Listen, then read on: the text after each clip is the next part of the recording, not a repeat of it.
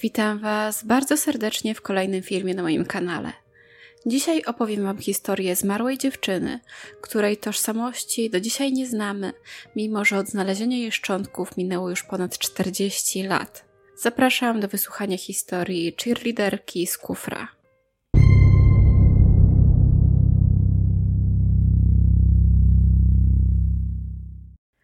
Dzisiejsza sprawa swój początek miała 24 sierpnia 1982 roku, gdy dwie osoby zbierające grzyby w Gambriel State Park w Frederick w stanie Maryland natknęły się na coś dziwnego. Coś, co wyglądało jak stara, porzucona szafka, czy właściwie kufer. Przedmiot był pokryty patyczkami i liśćmi, co z jednej strony mogło stanowić próbę jego ukrycia, ale z drugiej byli przecież w lesie, więc to, że spadły na niego liście, nie było niczym dziwnym. Zwłaszcza, że był to teren, który często zalewała woda. Kufer znaleziono bardzo blisko żwirowej drogi, więc nie wyglądało na to, że ktoś jakoś szczególnie starał się go ukryć. W każdym razie zaciekawieni grzybiarze postanowili zajrzeć do środka. Nie wiem, czy mieli jakiekolwiek oczekiwania co do tego, co znajdą w środku, ale na pewno nie spodziewali się tego, co zobaczą. W środku znajdował się bowiem szkielet kobiety, która nie miała przy sobie dokumentów. Nie miała na sobie ani przy sobie nawet ubrań.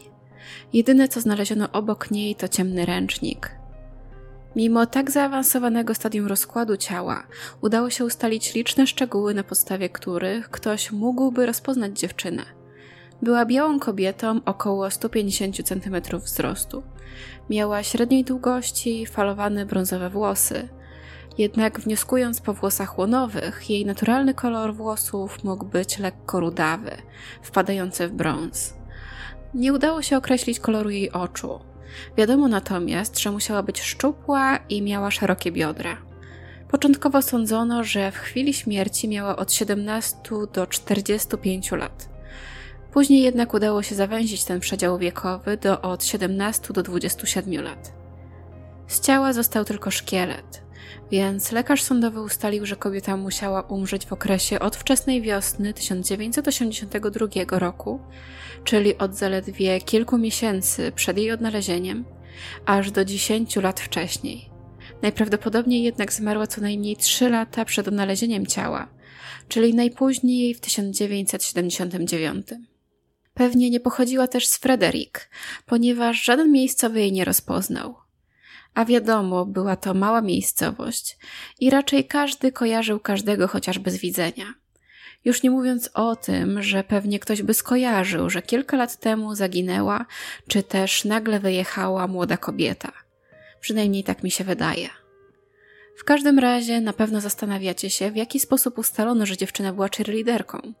Przecież nie znaleziono przy niej żadnego ubrania, a zwłaszcza stroju cheerleaderki.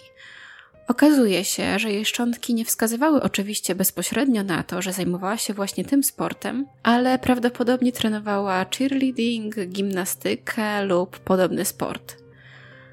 Kości jej miednicy opisane zostały jako znacząco zużyte.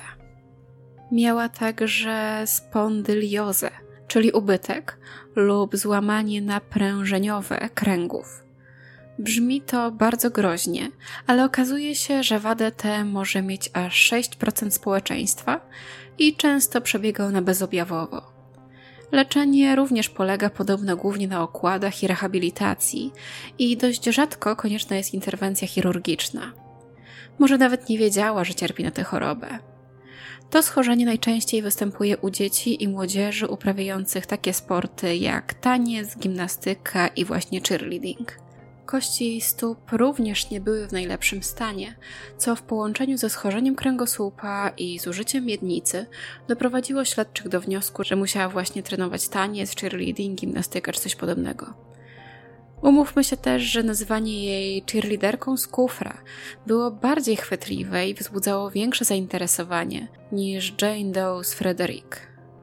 Ze względu na szeroką podstawę czaszki i w pełni okrągłą miednicę stwierdzono, że była dobrze odżywiona. Spekulowano, że prawdopodobnie pochodziła z rodziny klasy średniej lub pracowała na farmie. Śledczy ustalili również, że jej rodzina przebywała w USA od co najmniej trzech pokoleń oraz że po raz ostatni widziano ją żywą w promieniu 160 km od miejsca, w którym ją znaleziono. Nie wiem jednak, na jakiej podstawie ustalono ten ostatni fakt. Jej zęby również przyniosły śledczym wiele informacji. Właściwie każdy z nich poddany został jakiemuś leczeniu. Miała wiele plomb, dwie korony i leczenie kanałowe. Jej zęby mądrości nie zostały usunięte, mimo że rosły krzywo, co pewnie sprawiało jej silny ból. Prawdopodobnie leczyła się u studentów stomatologii, a nie w gabinetach wyszkolonych już dentystów. Podejrzewano, że mogły być ku temu dwa powody. Albo nie miała pieniędzy na leczenie w zwykłych gabinetach, a jak wiadomo, zabiegi u osób, które dopiero się uczą, są znacznie tańsze, albo sama się uczyła, aby zostać stomatologiem i plomby czy korony były pracą jej szkolnych kolegów. Z tego co rozumiem, studenci nawzajem leczyli swoje zęby w ramach praktyki, ale nie wiem, czy tak jest dalej. Jak widzicie, mimo że znaleziono jedynie szkielet dziewczyny, bez nawet żadnych ubrań, udało się ustalić całkiem sporo informacji na jej temat. Śledczy byli więc przekonani, że jej identyfikacja nie zajmie dużo czasu i że wkrótce zgłosi się do nich ktoś, kto ją rozpozna. Miały jednak kolejne lata i wciąż nie było wiadomo, kim była zmarła dziewczyna. Najprawdopodobniej nie pochodziła z Maryland. Nikt z okolicy jej nie rozpoznawał, a ona sama nie odpowiadała żadnemu stanowemu raportowi o zaginięciu. Podejrzewano, że mogła uciec z domu z własnej woli i zerwać więzi ze swoją rodziną, więc nikt jej nie szukał. Mimo to oczywiście co jakiś czas pojawiały się nowe tropy w tej sprawie, ale każdy z nich w końcu okazywał się być ślepym zaułkiem. Jak już mówiłam, nazywanie jej cheerleaderką z kufra było bardzo sprytnym posunięciem. Taki pseudonim zwrócił większą uwagę na sprawę, która została nawet opisana w jednym z odcinków Unsolved Mysteries. Po emisji ludzie zaczęli zwracać większą uwagę na doniesienia o nastolatkach, których rodziny nie widziały od lat. Zwłaszcza jeżeli dana dziewczyna związana była w jakiś sposób z gimnastyką, cheerleadingiem lub jazdą konną. Przez lata próbowano dopasować ciało dziewczyny do nazwisk wielu zaginionych dziewcząt, ale niestety nie przyniosło to żadnych skutków. Pokrótce przedstawię Wam teraz listę kobiet, które porównywano z cheerleaderką z kufra, ale które zostały ostatecznie wykluczone. Jak zawsze przeraża mnie fakt, ile osób zaginęło tylko w tamtym czasie. I pamiętajmy, że są to tylko osoby, które potencjalnie mogły być dziewczyną, której nazwiska szukano. 30-letnia Andrea Jean Coyle zaginęła z Altona w Pensylwanii 19 grudnia 1978 roku. W 1971 przeżyła załamanie nerwowe, trafiła do szpitala i przeszła 8 terapii elektrowstrząsami. Jej siostra stwierdziła, że wszystko było z nią dobrze, dopóki zażywała leki przepisane jej przez psychiatrę. 19 grudnia 1978 wyszła z domu o 8 rano i poszła do szkoły, w której się uczyła, aby oddać podręczniki i poprawić oceny. Wyszła z niej przed południem i nigdy więcej jej nie widziano. Zabrała ze sobą całą gotówkę, którą posiadała, ale zostawiła dowód tożsamości. Jej siostra stwierdziła, że Andrea nigdy w pełni nie doszła do siebie po załamaniu nerwowym w 71 i leczeniu jej elektrowstrząsami. W 1972 czy 73 wyszła za mąż, a we wrześniu 1973 próbowała odebrać sobie życie, po czym jej mąż spakował jej rzeczy i odesłał ją do domu jej rodziców. Później podróżowała autostopem po całym kraju, a jej rodzina kontaktowała się z nią co kilka miesięcy. Co ciekawe, Andrea służyła w amerykańskiej armii od września 74 do lutego 75, gdy została zwolniona ze służby ze względów zdrowotnych. W 76 została aresztowana za drobne przestępstwo w Waszyngtonie i osadzona w szpitalu, gdzie przebywała przez kilka miesięcy.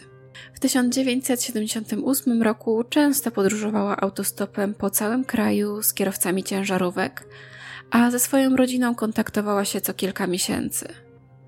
Śledczy uważają, że prawdopodobnie już nie żyje. 26-letnia Anne Manchester zaginęła z Newark w stanie Delaware 29 czerwca 1980 roku. Tamtego ranka jej dom odwiedził przyjaciel, który wyszedł o 12.30, a o 14.00 Anne rozmawiała przez telefon ze swoją znajomą. Następnego dnia miała wziąć udział w jakimś zaplanowanym teście, ale nigdy się na nim nie pojawiła i nigdy więcej o niej nie słyszano. W jej mieszkaniu nie było żadnych śladów walki.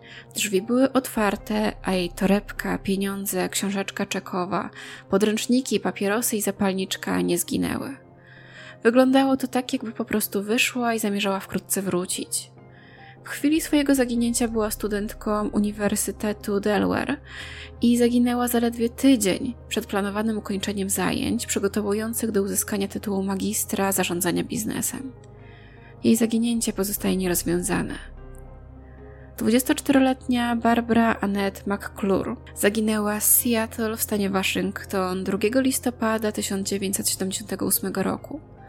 Poszła ze swoim chłopakiem i kilkorgiem przyjaciół do dyskoteki w centrum handlowym Lake Forest Park. W pewnym momencie pokłóciła się ze swoim chłopakiem i zdecydowała się wrócić do domu pieszo, chociaż przyjaciele zaproponowali, że ją podwiozą. Mieszkała pięć mil dalej. Po raz ostatni widziano ją idącą około pół mili od dyskoteki. Nigdy nie wróciła do domu i nigdy więcej o niej nie słyszano. Następnego dnia współlokatorka Barbry zgłosiła jej zaginięcie. Nie miała przy sobie żadnych kart kredytowych, a w torebce miała mniej niż dolara. Sześć dni po jej zaginięciu w pobliżu skrzyżowania autostrad międzystanowych numer 5 i 405 znaleziono jej prawo jazdy. Zaginęła zaledwie 10 dni przed drugimi urodzinami swojej córki. Jej już dorosła córka uważa, że została porwana przez kogoś, kogo znała, ale sprawa wciąż pozostaje nierozwiązana. 29-letnia Betty Mary Roberts zaginęła z Baltimore w stanie Maryland w listopadzie 1959 roku. Mieszkała w Charlotte w północnej Karolinie. Była rozwiedziona i miała dwie córki w wieku 3 i 4 lat. W 1959 roku poznała mężczyznę, który nazywał się Charles Weckman i który twierdził, że jest podróżnym fotografem, a Betty i jej siostra ubiegały się o pracę jako jego asystentka.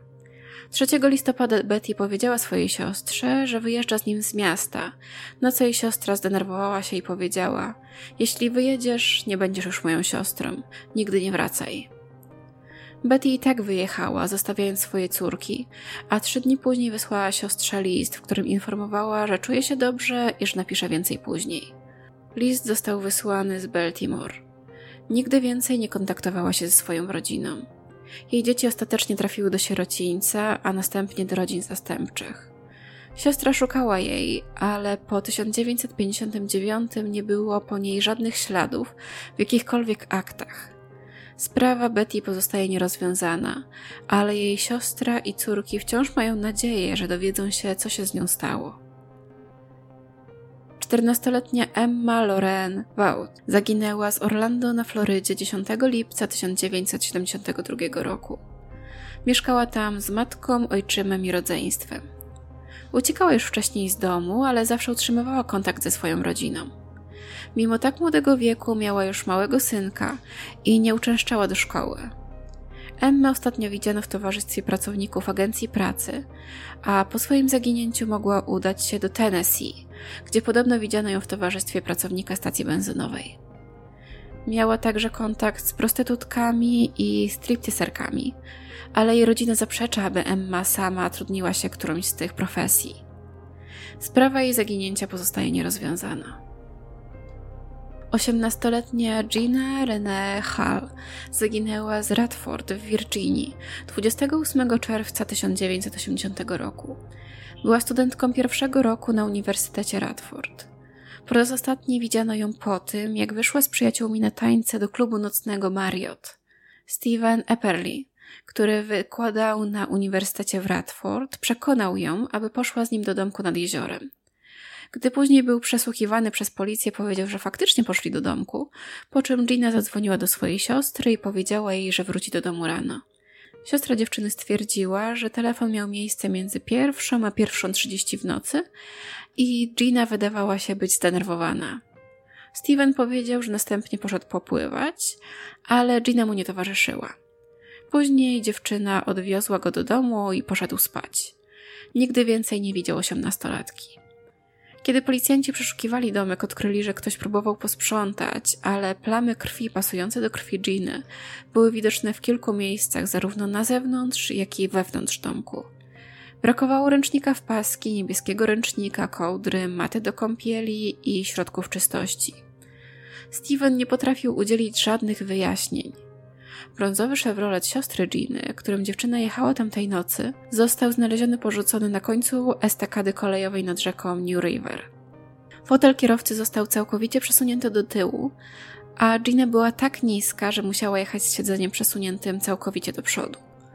Wewnątrz znajdowały się plamy krwi i włosy.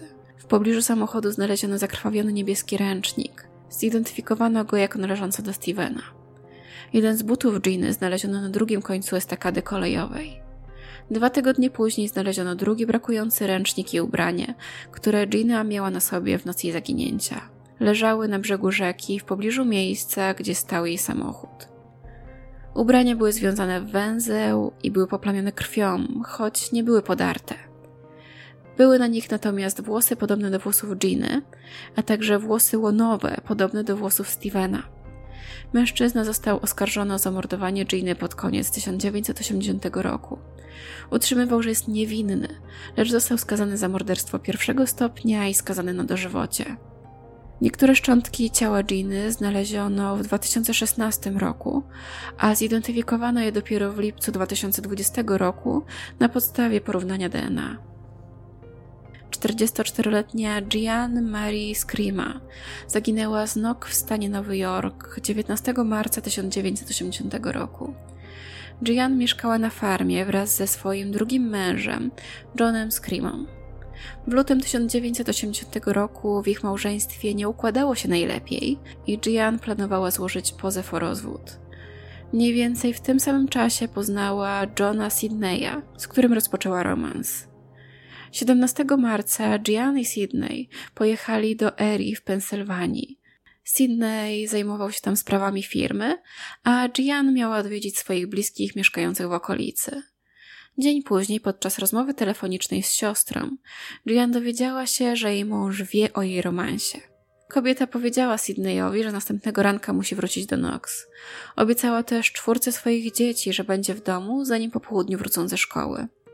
Wyjechała z Erie w godzinach porannych 19 marca. Policjanci uważają, że przybyła do domu wczesnym popołudniem, ale nigdy później jej nie widziano. John nie zgłosił zaginięcia swojej żony.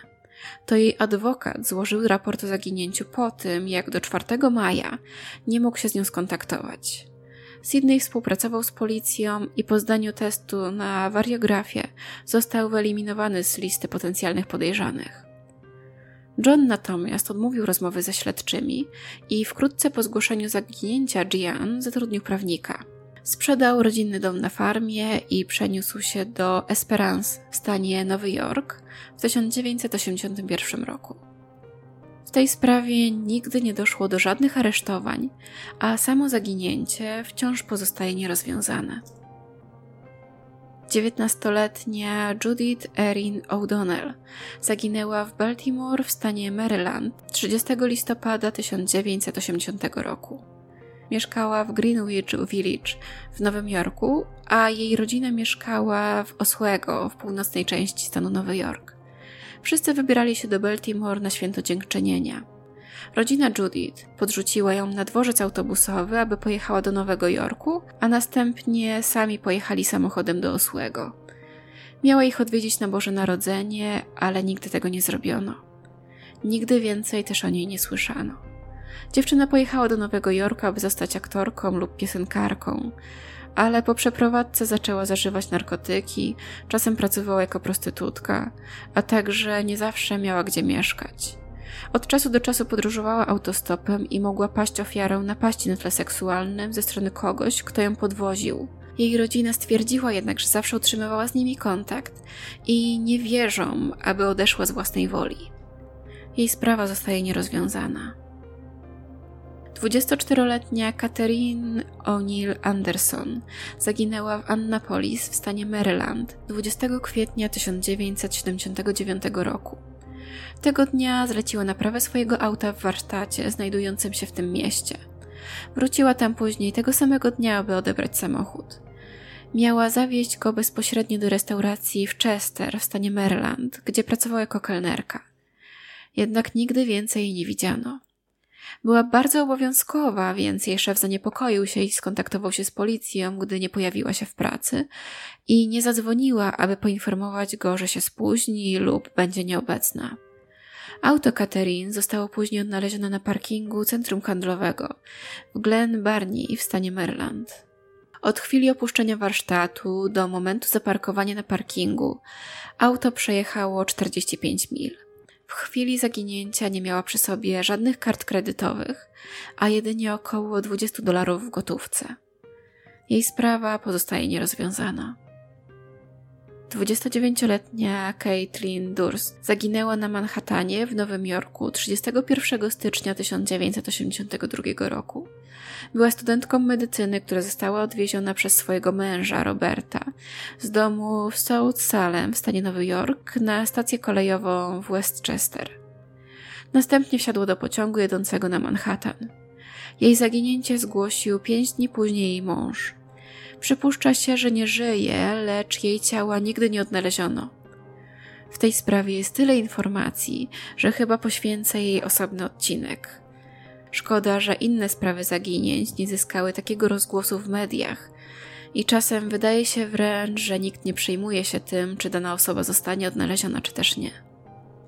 15-letnia Mary Ann Blee zaginęła w Craig w Colorado 21 listopada 1979 roku.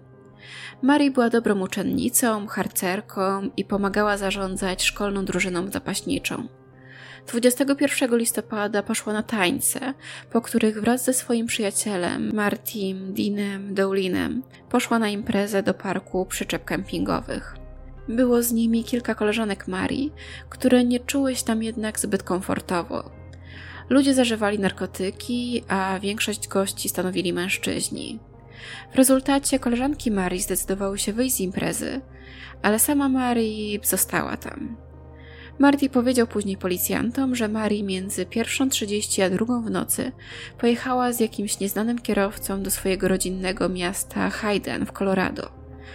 Wtedy widział ją po raz ostatni. Kiedy następnego ranka Marii nie wróciła do domu, jej rodzice zgłosili jej zaginięcie na policji. Śledczy początkowo podejrzewali, że Marii uciekła z domu, ale jej rodzice twierdzili, że coś takiego nie leżało w jej charakterze. Tydzień po zniknięciu Marii, Marty został aresztowany pod zarzutem wymuszenia. Przyznał się, że zadzwonił do rodziców Marii i zażądał 5 tysięcy dolarów za bezpieczny powrót ich córki. Został skazany na 6 miesięcy więzienia w zawieszeniu na dwa lata. Później został skazany za niepowiązaną napaść na tle seksualnym. Utrzymywał jednak, że nic nie wie o zaginięciu Marii i zadzwonił do jej rodziny tylko po to, aby dać jej rodzinie nadzieję, że ona wciąż żyje. Latami spekulowano, że Marii mogła umrzeć w wyniku przedawkowania narkotyków na imprezie, a jej ciało zostało pochowane gdzieś w Craig. Nawet śledczy stwierdzili, że zeznania świadków potwierdzają tę teorię. Sprawa wciąż pozostaje jednak nierozwiązana. 32-letnia Maureen Russell Baka zaginęła w Adelanto w Kalifornii 21 sierpnia 1982 roku. Jej zaginięcie zgłoszono dopiero dwa lata później, w 1984, więc data zaginięcia może nie być dokładna. Każdym razie mniej więcej od tego czasu nigdy więcej o niej nie słyszano.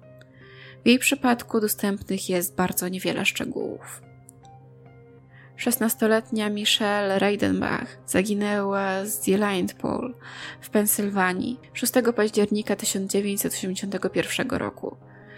Tego dnia jak zwykle poszła na zajęcia w szkole, gdzie akurat tego dnia wykonywano zdjęcia uczniów. Następnie pojechała do sklepu AGD, gdzie pracowała. Zwykle pracowała z nią tam jej koleżanka z klasy, ale była chora i nie stawiła się tego dnia. O 16.30 Michelle wyszła ze sklepu i poszła mniej więcej jedną przecznicę do apteki, aby kupić lekarstwo na przeziębienie, ponieważ ona również źle się czuła. Ustalono, że rzeczywiście doszła do apteki i że kupiła lek. Jej szef był ostatnią osobą, która ją widziała. Stała wtedy na parkingu supermarketu i rozmawiała z kimś, kto siedział w czerwonym samochodzie. Nigdy nie wróciła do swojej pracy. Zostawiła tam swoją torebkę, podręczniki szkolne i papierosy. Jej zniknięcie odkryto o 16.55, kiedy jej matka przyjechała do sklepu, aby się z nią spotkać. W tamtym czasie jedno z rodzeństwa Michelle leżało w szpitalu, więc wydaje się, że gdy dziewczyny nie było w sklepie, jej matka po prostu pojechała do szpitala sama. Później brat Michelle jak zwykle przyjechał do sklepu, aby odwieźć ją do domu, ale jej wciąż tam nie było. Jej matka wieczorem zadzwoniła więc na policję i zgłosiła jej zaginięcie. Jej rodzina opisywała ją jako osobę, która raczej nie poszłaby nigdzie z nieznajomym. Uważają, że została porwana przez kogoś, kogo znała i komu ufała. Jej sprawa pozostaje nierozwiązana.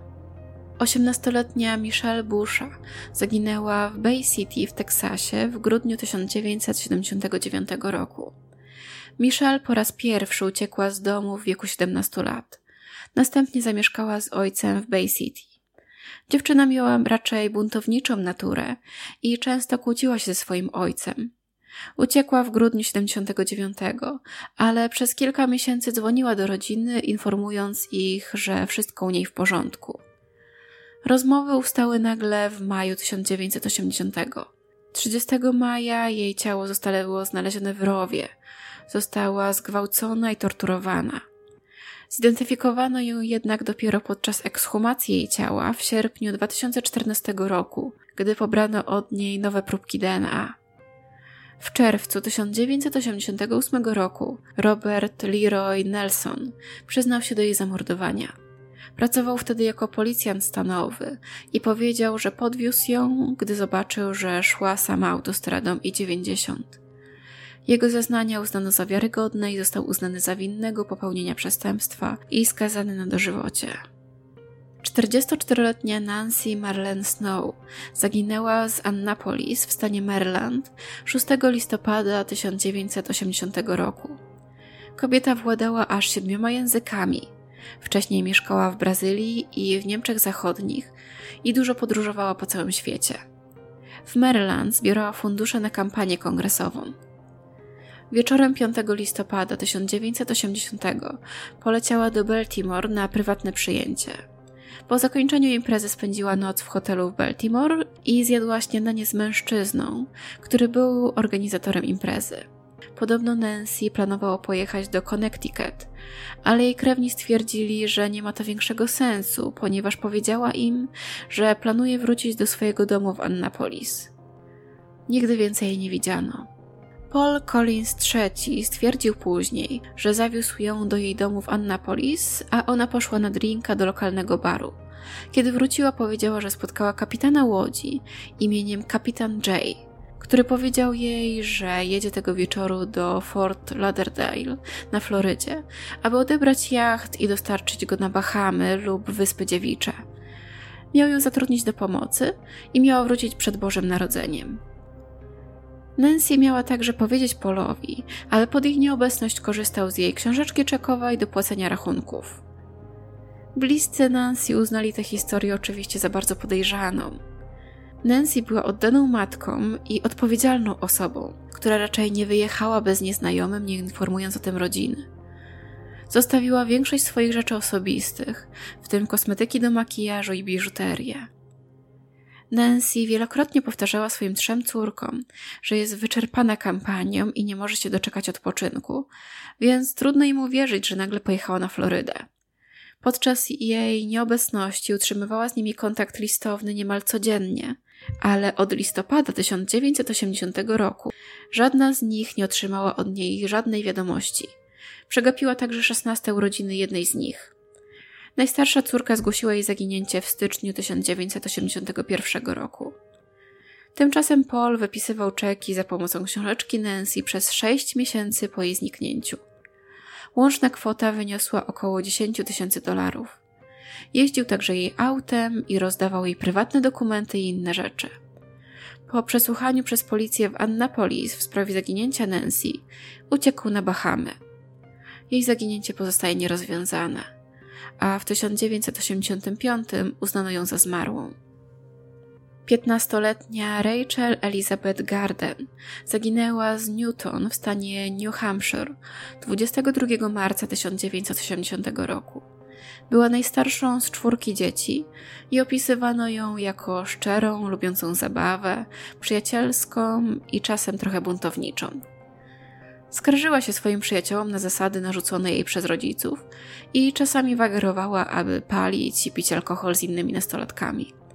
22 marca kupiła paczkę papierosów i gumę do rzucia i wyszła ze sklepu między 21 a 21.30 i zaczęła iść do domu swojej przyjaciółki, gdzie planowała spędzić noc.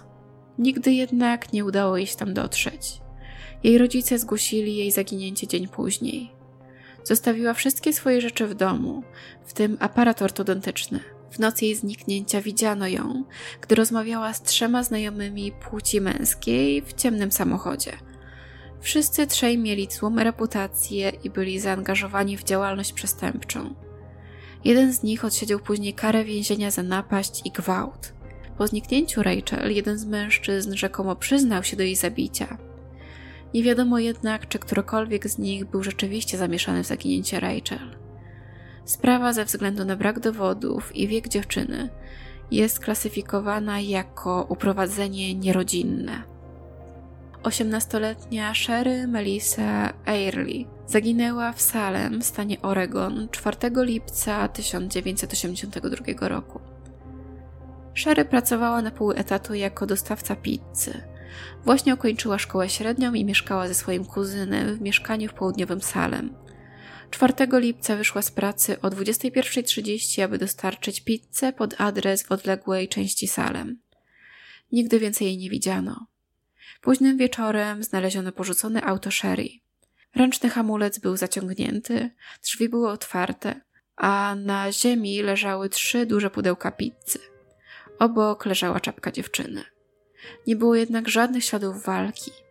Policja ustaliła, że adres, pod który miała się udać, był fikcyjny. Osoba, która zamówiła pizzę, również podała fałszywe nazwisko. Rozmowa została wykonana z hotelu w Salem. Dzień po jej zniknięciu ktoś zadzwonił do pizzerii, w której pracowała, żądając okupu za jej bezpieczny powrót. Rozmówca nie zadzwonił jednak już nigdy więcej i nigdy też nie próbował odebrać pieniędzy. W grudniu 2007 roku policjanci ogłosili, że William Scott Smith przyznał się do zamordowania Sherry. Odsiadywał już wtedy dwa dożywocia za uprowadzenie, gwałt i morderstwo w wyniku uduszenia dwóch kobiet z Salem. Powiedział, że on i jego wspólnik, Roger Nosef, planowali porwać inną pracownicę pizzerii i przetrzymać ją dla okupu, ale kobieta nie pracowała tamtej nocy i zamiast tego porwali Sherry. Później ją udusił. Jej ciała nigdy nie odnaleziono. 19-letnia Susan Diane Wolf Kappel zaginęła w Newcomerstown w stanie Ohio 16 marca 1982 roku. Po raz ostatni była widziana w supermarkecie. Właśnie skończyła tam swoją zmianę i szła w stronę samochodu rodziców na parkingu, gdy podjechał do niej niebieski samochód. Jej współpracownik widział, jak rozmawia z kierowcą, mężczyzną, a następnie wsiadła do samochodu od strony pasażera. Nigdy więcej jej nie widziano.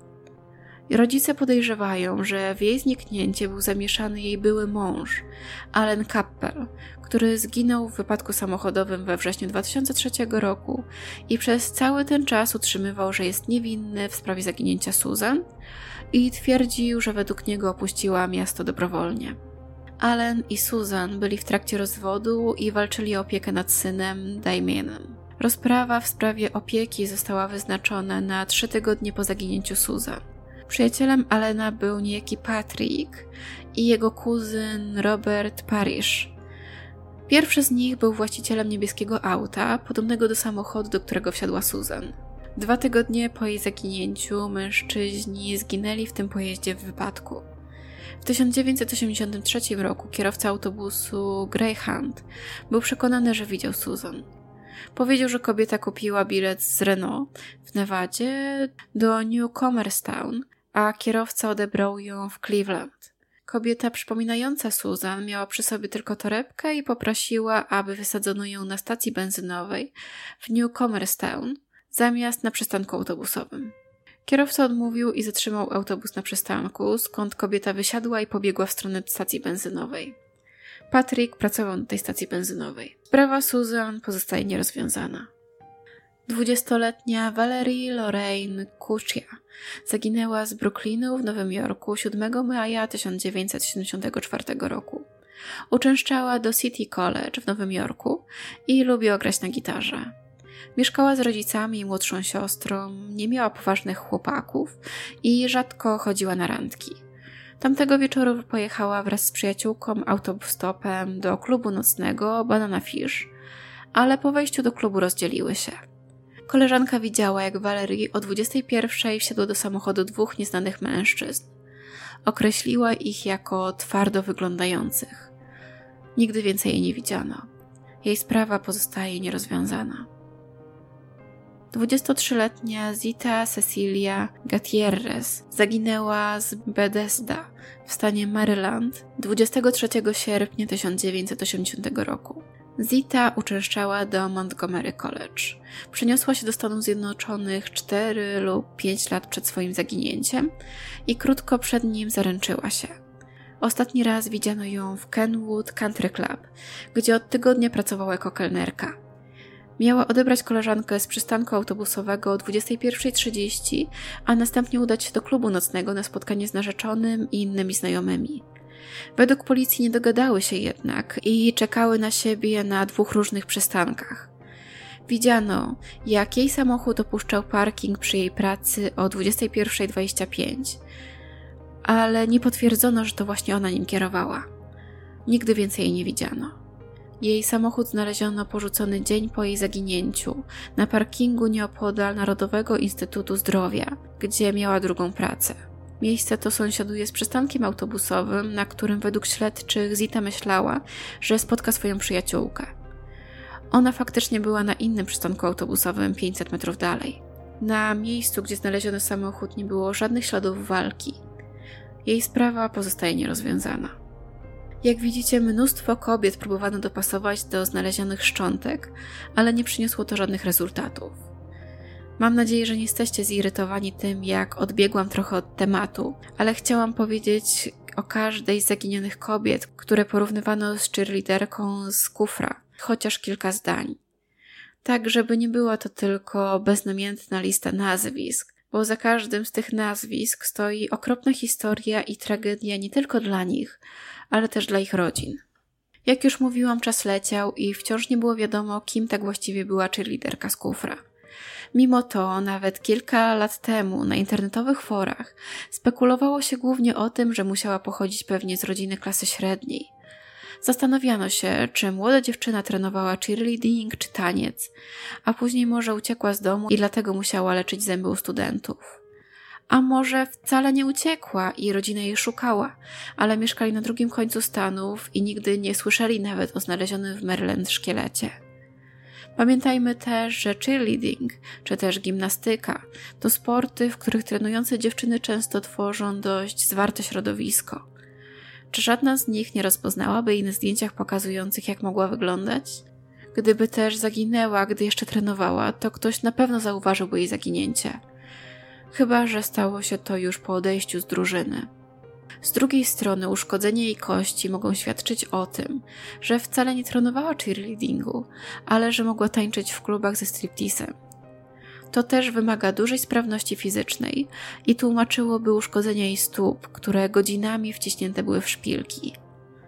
Tancerki w takich klubach nie słyną też raczej z bogactwa, co tłumaczyłoby, dlaczego szukała pomocy dentystycznej u studentów chociaż może pracowała w takim miejscu, aby opłacić naukę zawodu stomatologa i odmienić swoje życie.